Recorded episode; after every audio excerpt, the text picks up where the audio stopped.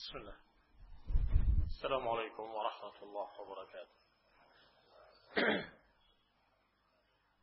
إن الحمد لله نحمده ونستعينه ونستغفره ونعوذ بالله من شرور أنفسنا ومن سيئات أعمالنا من يهده الله فلا مضل له ومن يضلل فلا هادي له وأشهد أن لا إله إلا الله وحده لا شريك له وأشهد أن محمدا عبده ورسوله صلى الله عليه وعلى آله وأصحابه والتابعين وتابع التابعين ومن تبعهم بإحسان إلى يوم الدين.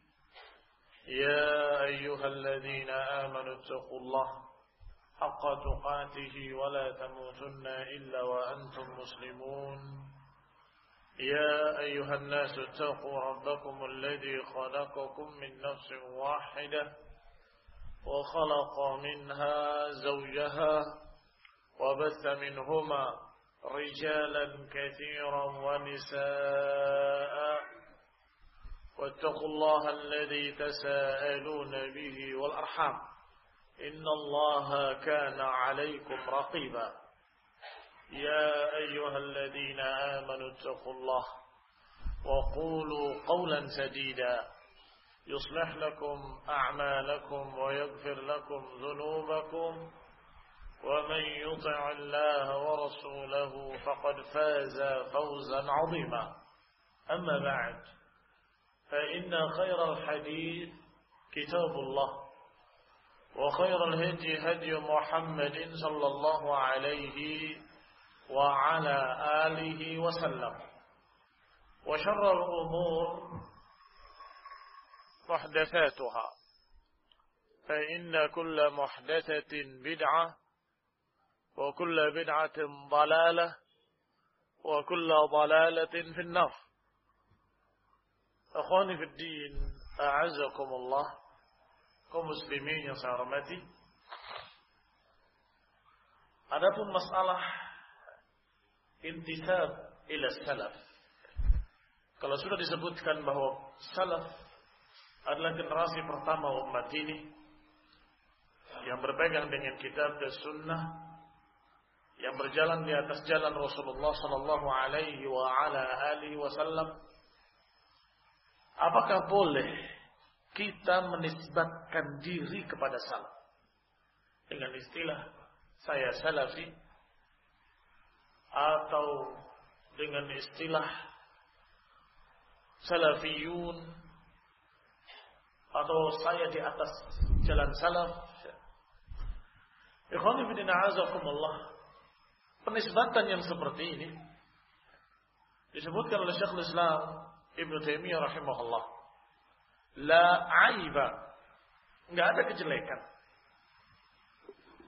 Alaman adhara madhab salaf. Enggak ada kejelekan bagi mereka yang menampakkan madhab salaf. Wantasaba ilaih dan menisbatkan dirinya kepadanya. Wa'taza ilaihi. Bal yajib qabulu dhalika minhu bahkan wajib kita menerimanya. Fa inna madhhab salaf la yakunu illa haqqa. Karena madhab salaf tidak lain kecuali kebenaran. Perhatikan. Kalau ada di dalamnya mengandung tazkiyah, apalagi dengan masalah selamatnya dari api neraka, tidak boleh seseorang memastikan bahwa saya termasuk golongan yang akan selamat dari api neraka. Tetapi kalau menyampaikan syiar dan prinsip bahwa saya berprinsip dengan prinsip sunnah. Saya berpegang dengan pemahaman ahlus sunnah. Atau saya bertekad ingin mengikuti salaf. Maka kalimat-kalimat ini adalah kalimat yang tidak mengapa. Bahkan kata Syekhul Islam, la aiba, enggak ada kejelekan. Bagi orang yang menampakkan madhab salaf atau menisbatkan kepada salaf bahkan wajib kita terima. Karena madhab salaf Tidak lain kecuali kebaikan. Demikian pula berkata Sam'ani rahimahullah. Qala as-salafi dengan difathahkan sinnya dan juga lamnya as-salafi. Dan di akhirnya huruf fa dan kemudian ya nisbah. Ya huruf ya yang bermakna nisbah. Salaf generasi pertama, kalau salafi dengan ya adalah pengikut salaf. Ini adalah nisbah kepada salaf. Kata Sam'ani, wantihalu madahibihim. Yaitu orang yang mengikuti madhab mereka.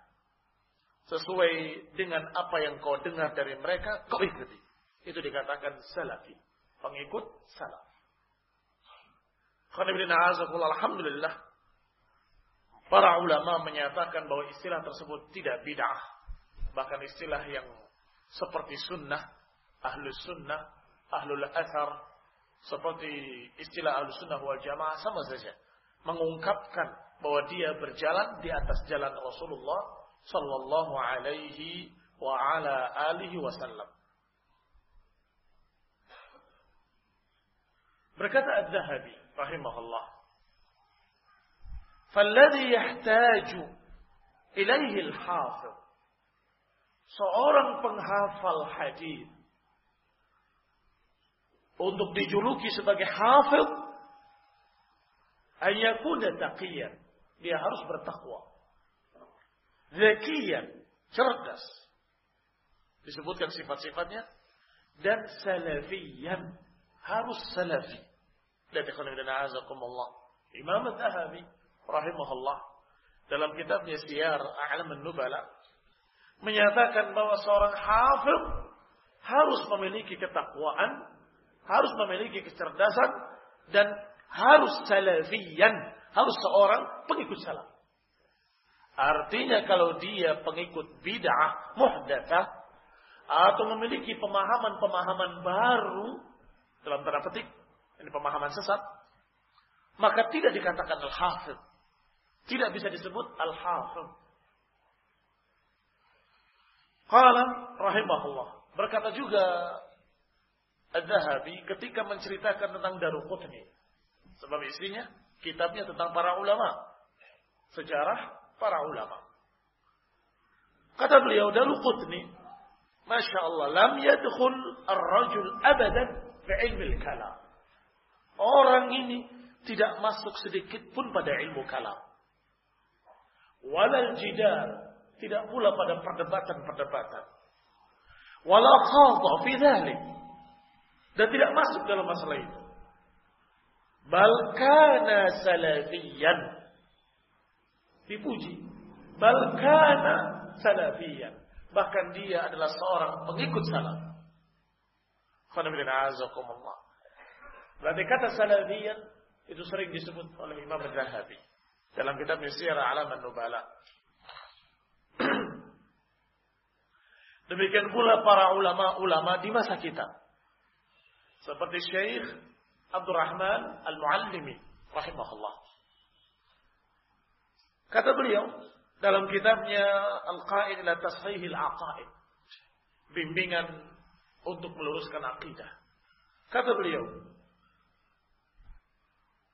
syekh dan juga al-imam al-alim al-qudwah Abdul Aziz Ibn Abdullah Ibn Baz. Dalam risalahnya tanbihat hamah ala ma Muhammad al-Sabuni fi sifatillah. Disebutkan pula di situ oleh beliau tentang kewajiban untuk kembali kepada salaf dan kewajiban untuk mengikut madhab salaf. Di antaranya beliau ditanya, "Mata qulu fi man tasamma bis salafi wal athari?" Apa yang kau katakan terhadap orang yang menisbatkan dirinya kepada salafi atau athari? Apakah boleh? Apakah itu bukan pembersihan diri, pensucian diri? Fa'ajaba rahimahullah. Dijawab oleh beliau rahimahullah.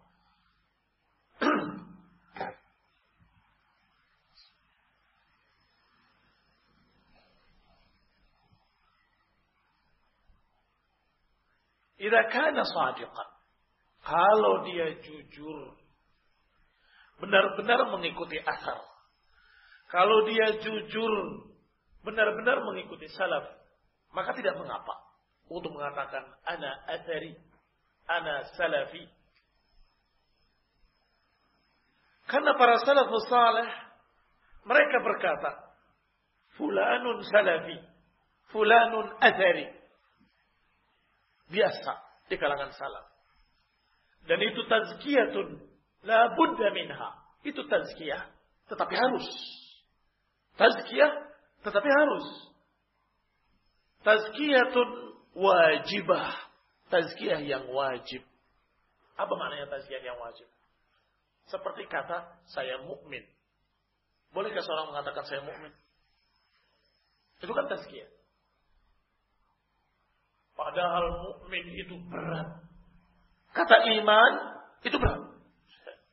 Disebutkan di dalam Al-Quran, Innamal mu'minuna alladhina idha dhukirallahu wajilat qulubuhum wa idha tuliyat alaihim ayatuhu zadatuhum imana wa ala rabbihim yatawakkalun.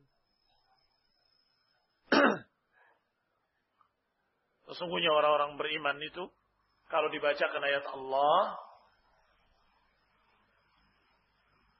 bertambah, uh, bergetar hatinya. Kalau dibacakan ayat-ayat Allah bertambah imannya. Dan kepada Rabb mereka mereka bertawakal. Baik, satu ini saja. Apakah kita sudah mukmin? Kalau disebut nama Allah, bergetar hatinya. Sudah? Kalau dibacakan ayat Allah, bertambah imannya. Sudah? Belum lagi ayat yang lain. Innamal mu'minuna alladzina amanu billahi wa rasulih thumma lam yartabu wajahadu bi amwalihim wa anfusihim fi sabilillah ulaika humus sadiqun. Orang-orang beriman adalah yang percaya pada Allah dan Rasulnya kemudian tidak ragu. Berjihad. Berjuang membela agama dengan nyawanya dan hartanya. Sudah? Belum juga. Baik dengan ayat lain. Allah katakan, tentang orang-orang beriman. Qad aflahal mu'minun alladzina hum fi salatihim khashi'un walladzina hum 'anil lagwi mu'ridun walladzina hum lizakati fa'ilun walladzina hum li furujihim hafizun ila akhir ayat. Selamatlah orang-orang yang beriman, yaitu orang yang salatnya khusyuk dan orang-orang yang meninggalkan perbuatan yang sia-sia. Sudahkah? Kita meninggalkan perbuatan sia-sia. Sudahkah kita khusus sholatnya? Allah katakan mukminun seperti itu. Tetapi kita bahkan bukan hanya boleh, harus mengatakan saya beriman. Iya kan? Itu apa namanya? Tazkiyatun wajibah. Sebagian ulama menambahnya dengan insya Allah. Saya mukmin insya Allah. Mengapa? Khawatir khawatir belum bisa menjadi mukmin yang hakiki. Khawatir belum menjadi mukmin yang seperti digambarkan dalam ayat-ayat tadi. Maka dijawab, ana mukminun insya Allah. Tetapi harus menyatakan saya mukmin karena kalau mengatakan saya tidak mukmin ya kafir. Iya kan? Kalau mengatakan saya tidak mukmin, saya belum mukmin, ya kafir berarti. Jadi gimana? Ya katakan saya mukmin. Insya Allah saya akan menyempurnakan keimanan saya. Kan begitu. Sama kalimat salafi, azari juga begitu. Kalau mengatakan saya bukan salafi, saya bukan azari, ya berarti kamu ahlul bidah. Iya kan? Ya harus menyatakan saya salafi, insya Allah. Atau saya akan berusaha untuk menjadi salafi yang benar. Kun salafiyan ala jadah. Itu pembahasan kita. Kun salafiyan alal jada. Jadilah seorang salafi sejati. Yang benar-benar salafi. Jangan hanya lisanah.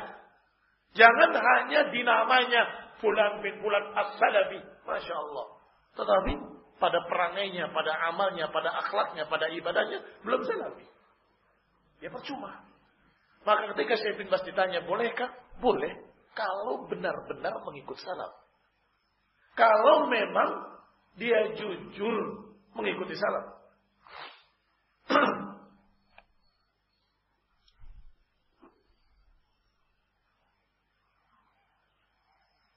Berkata Syaikhul Fauzan, hafizahullah, yang juga ditanya tentang salafiyah. Apakah wajib mengikuti salaf? Qala as-salafiyah yasayr ala manhaj salaf min as-sahabah wat tabi'in wal qurun al-mufaddalah. Kata beliau yang namanya salafiyah, ajaran salaf adalah berjalan di atas manhaj mereka, para sahabat, para tabi'in dan generasi-generasi terbaik.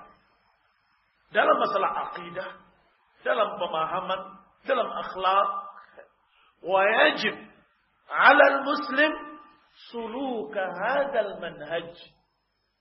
Itu ucapan terakhirnya. Wajib, wajib bagi setiap muslim untuk menjalani madhab mereka, madhab para sahabat.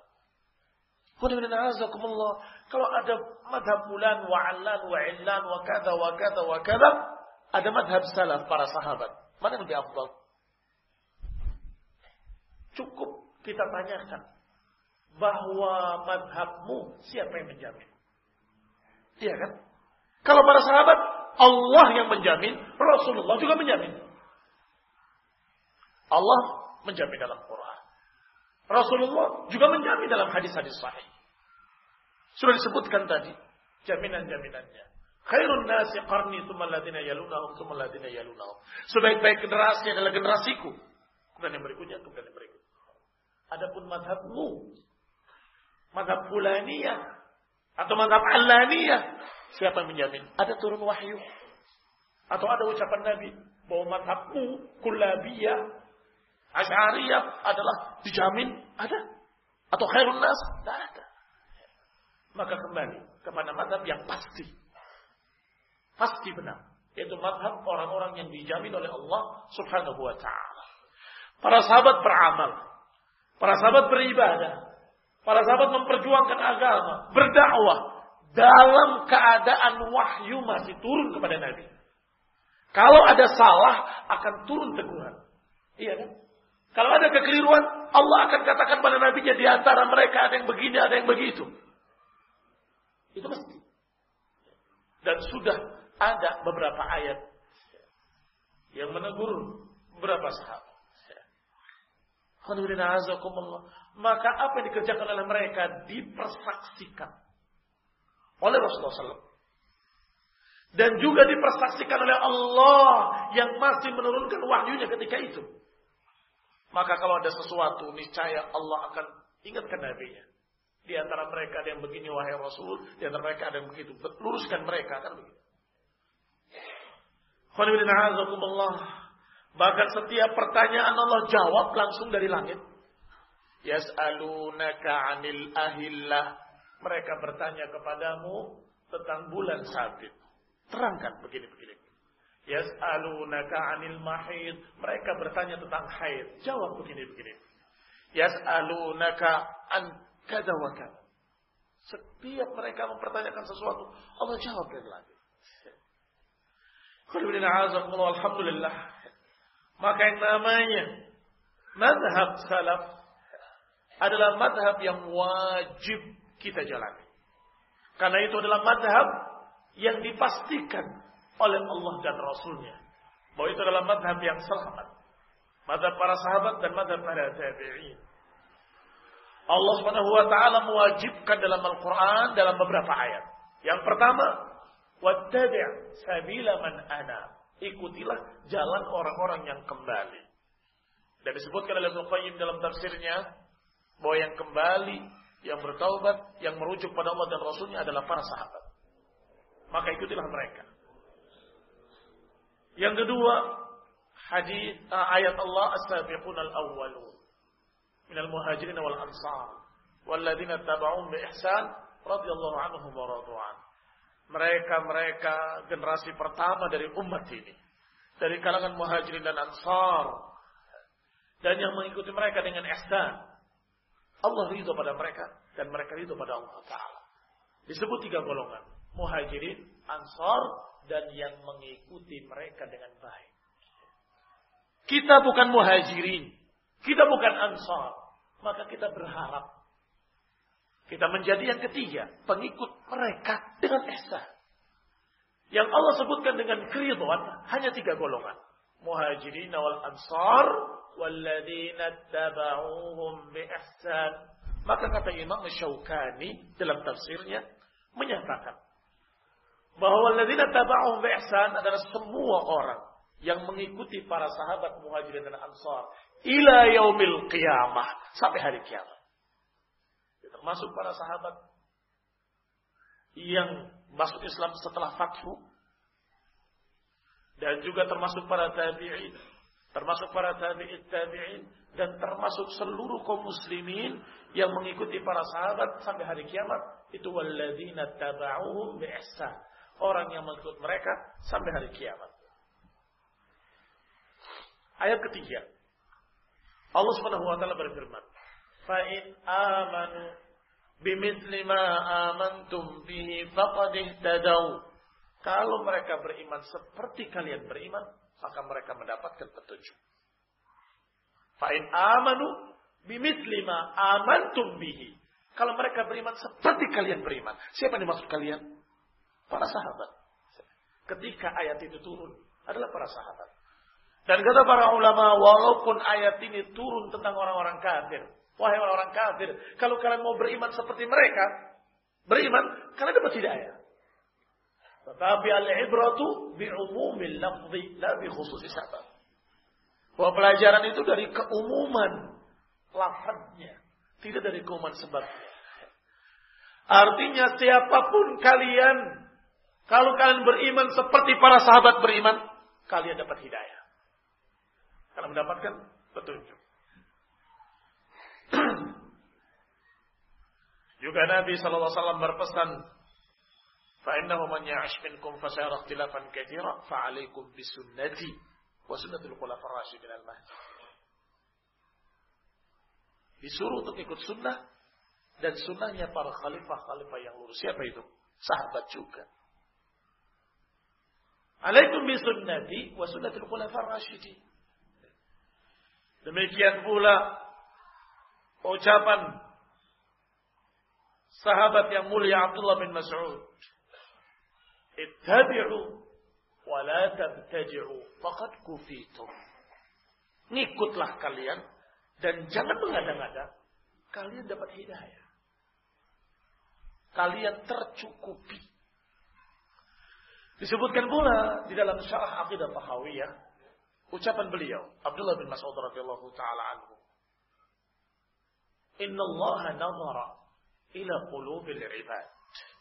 Allah melihat hati-hati para hamba. Allah melihat hati para hamba. Fawajada qalba Muhammadin khairu qulubil ibad. Maka didapati hati Nabi Muhammad SAW adalah sebaik-baik hati.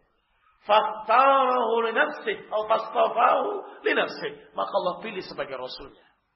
Thumma nabara. Kemudian melihat lagi hati para hamba maka didapati hati para sahabatnya sebagai sebaik-baik hati, maka Allah jadikan mereka sebagai tentara nabinya, pendukung nabinya, sebagai sahabat-sahabat nabinya.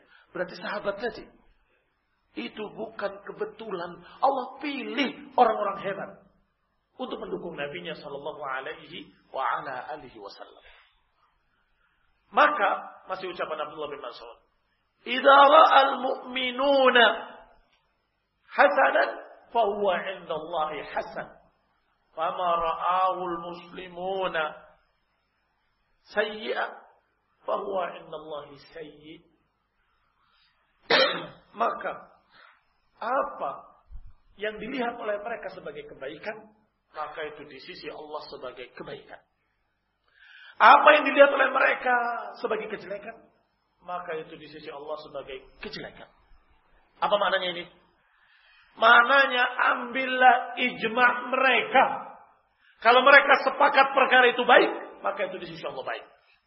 Kalau mereka sepakat itu jelek, maka itu di sisi Allah jelek. Ini yang namanya ijma' dan itu juga berdalil dengan ucapan Nabi SAW, la tajtami'u ummati ala dhalalah. Umatku nggak akan sepakat di atas kejelekan. Umatku nggak akan sepakat di atas kesesatan. Maka kesepakatan para sahabat itu adalah ijma' dan itu hujjah. Dalil setelah Quran was sunnah. Maka yang ketiga adalah ijma'. Ijma'nya para sahabat. Karena setelah itu manusia sudah terlalu banyak, sudah sulit untuk melihat ijma' mereka atau sudah sulit untuk terjadinya ijma'. Tetapi yang dimaksud ijma' adalah ijma' para sahabat. Itu adalah hujjah dalil setelah Quran was sunnah.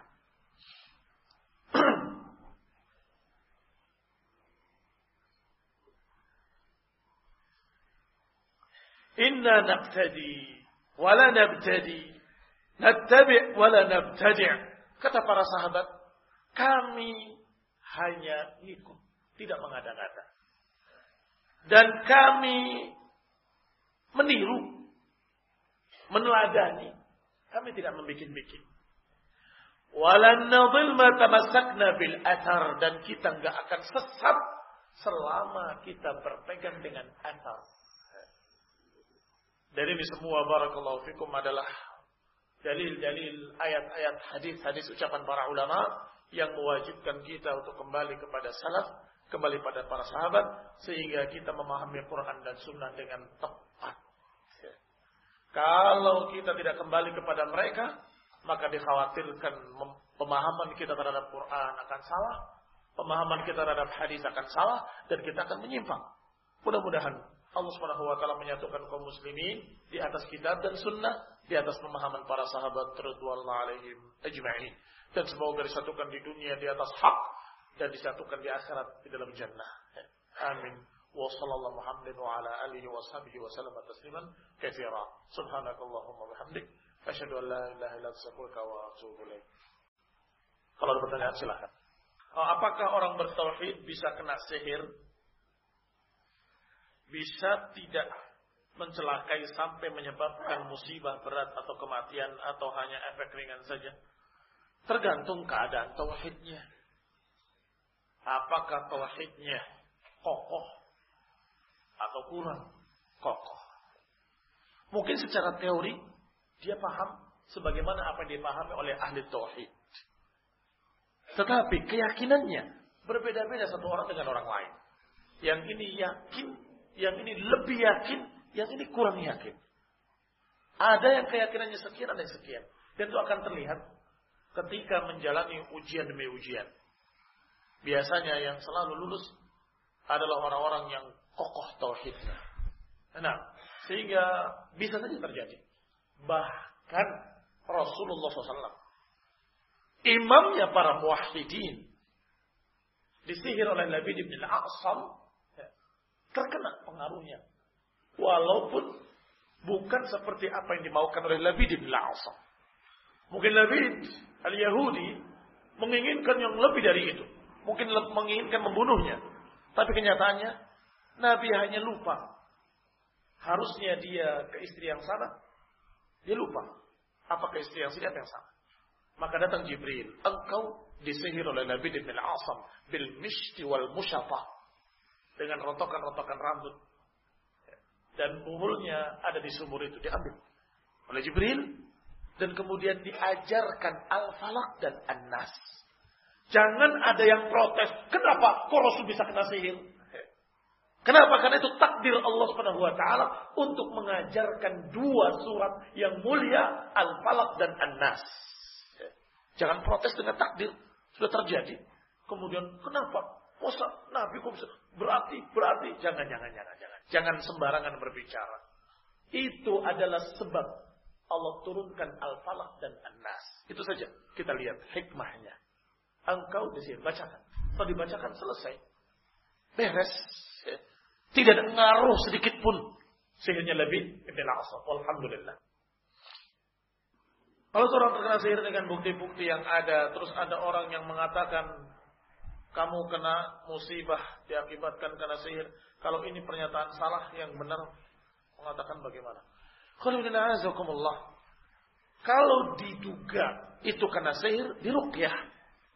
Dibacakan Al-Quran, ayat kursi, Al-Falaq, An-Nas, Al-Ikhlas. Dibacakan Al-Fatihah, dibacakan surat Al-Baqarah. Alhamdulillah. Nggak ada jeleknya, walaupun ternyata bukan sihir. Iya kan? Apa jeleknya? Orang dibacakan Quran, bagus, baik-baik saja.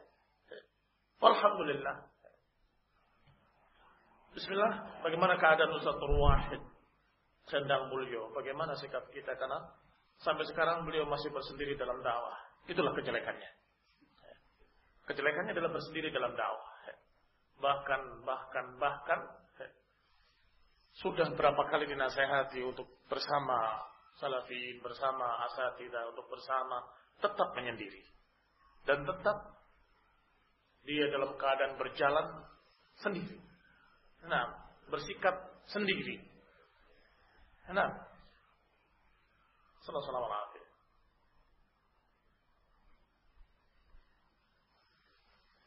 Dan kesempatan sekarang ini saya ingin menyatakan bahwa saya sudah ingin berlepas diri dan saya tidak lagi mau menjadi penasehat di radionya ataupun di yayasannya ataupun di pondoknya. Karena kekhawatiran-kekhawatiran yang saya lihat. Barakallahu fikum. Mudah-mudahan ini jadi pembatalan terhadap apa yang pernah saya katakan sebagai nasihat di radionya, saya cabut dan saya berlepas diri. Barakallahu fikum.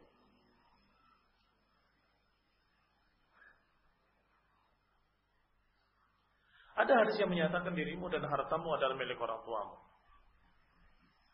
Jika anaknya sudah berkeluarga, kemudian bapaknya meminta anaknya, putranya,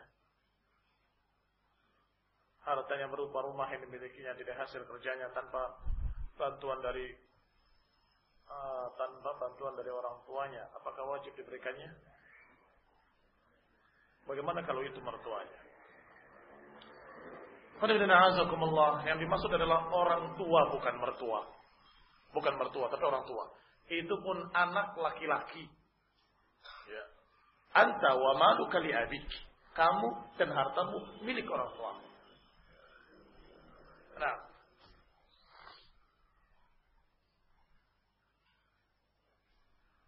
Kalau perempuan setelah nikah maka itu urusan suaminya.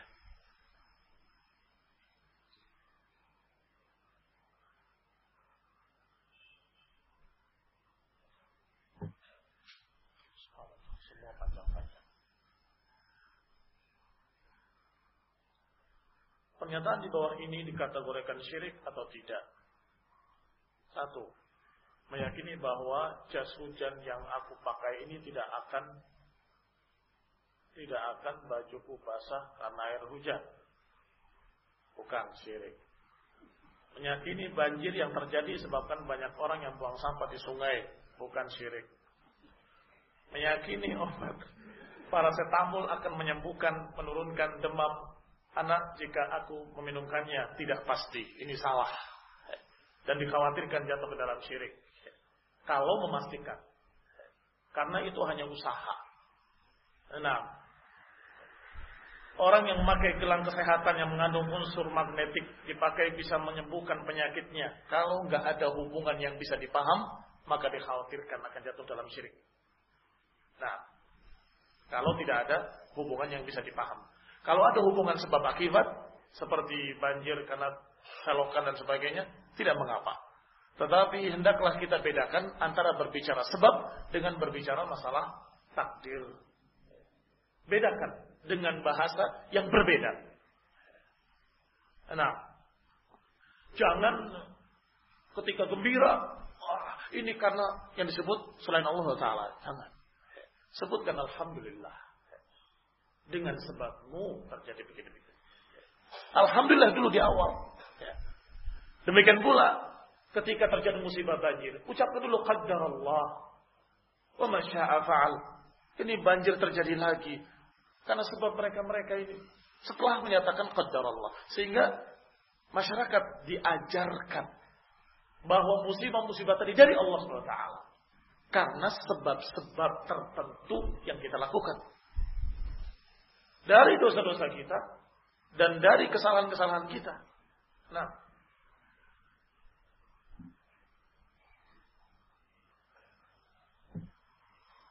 Ana mau tanya, kalau seorang suami mengucapkan cerai setiap kali bertengkar dengan istri, tetapi dia dalam keadaan marah, apakah itu sudah jatuh talak tiga? Terus kalau dia menyesalinya dan bertaubat, apakah masih bisa nikah lagi? Karena pada saat bertengkar istrinya dalam keadaan apa itu? Hamil. Tapi setelah melihat anaknya lahir dia berat untuk memisah. Apakah? Usikum wa iyaya Aku wasiatkan kepada para suami Jangan latah dengan kalimat cerai. Jangan gampang-gampang berbicara cerai. Kalau wanita biasa, mereka mengucapkan cerai saja, cerai saja, cerai saja. Itu mungkin kayak minum obat kayak sehari tiga kali. Biarkan mereka perempuan. Tetapi kalian laki-laki, kalau menyatakan cerai, jatuh talak. Alatun jidduhu najid wa hazruhu najid. Tiga perkara. Seriusnya serius, tidak seriusnya pun serius. Yaitu nikah, talak, rujuk. Jangan main-main. Nikah dan cerai itu tidak seriusnya pun serius. Walaupun memang ada ikhtilaf sedikit masalah yang marah, tetapi bagi suami menyatakan talak serius atau tidak serius, jatuh. Jangan main-main. Jangan main-main. Semarah apa pun, silakan ucapan-ucapan lain yang mengerikan. Asal jangan cerai. Kamu saya injek-injek saya. Silakan. Ya cuma ngomong toh. Nggak beneran. Untuk nakut-nakuti istri silahkan. Tapi jangan dengan kalimat cerai. Jangan. Dikhawatirkan jatuh. Talak. Barakallahu fikum. Dan kalau sudah talak tiga, tidak akan bisa balik walaupun dia taubat. Kalau sudah talak tiga, tidak bisa balik abadan. Kecuali kalau dia sudah nikah pada dengan orang lain, perempuan itu, kemudian cerai kembali, baru bisa kembali. Itu pun nggak boleh direncanakan. Nggak boleh direncanakan. Maka hati-hati, hati-hati. Pulang saja ke rumah orang tuamu. Misalnya, itu bukan cerai.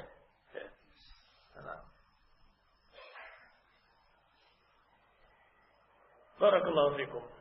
Yang jelas harus bisa sabar menahan ucapan-ucapan yang tidak pantas diucapkan dan akan memiliki hukum yang berat.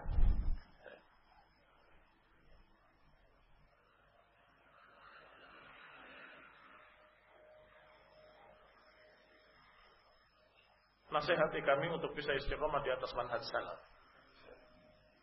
Sudah dua jam nasihatnya. Untuk istiqomah di atas manhaj salaf. Barakallahu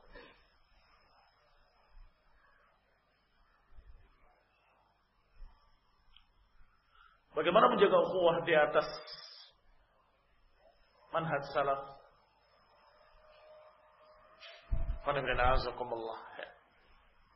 Kita harus benar-benar menjadi salafi sejati. Kalau salafi itu semuanya kembali pada salaf. Dan kembali kepada salaf itu tidak bisa dengan wangsit. Nggak bisa dengan ngelamun. Nggak bisa dengan berkira-kira. Kayaknya sahabat begini, kayaknya sahabat nggak bisa. Harus dengan riwayat. Harus dengan dalil. Harus dengan sanad. Dan itu keahlian para ulama. Maka harus tetap bersama para ulama. Harus tetap bersama para ulama. Dan jangan jalan sendiri. Jangan lancang memutuskan keputusan sendiri. Berbicara seenak sendiri. Atau berpendapat dengan pendapat sendiri. Akhirnya nama salaf dipertaruhkan dengan akhlaknya. Maksudnya ketika akhlaknya dia belum salaf, tapi benderanya bendera salaf, apa akibatnya? Masyarakat akan berkata, oh, jadi salaf itu akhlaknya jelek ya. Nggak bisa bermasyarakat. Tidak bisa mengerti ini, tidak bisa itu. Bayangkan. Ini berbahaya sekali. Kalau tidak mengerti hak tetangga, padahal benderanya salaf, sangat berbahaya. Sehingga salaf dengan ilmu tidak bisa dipisahkan. Harus belajar. Terus. Walaupun dia sudah dikenal sebagai ustaz. Terus belajar. Mengkaji.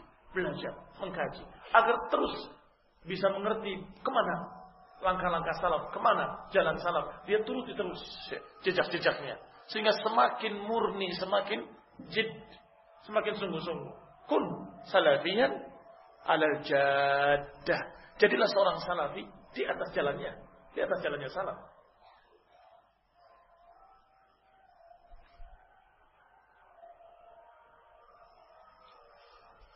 طيب بارك الله فيكم نسأل التوفيق والعافية. وصل الهداية ورحمة والعفو منكم سبحانك وبحمدك لا إله إلا أنت أستغفرك وأتوب إليك. والسلام عليكم ورحمة الله وبركاته.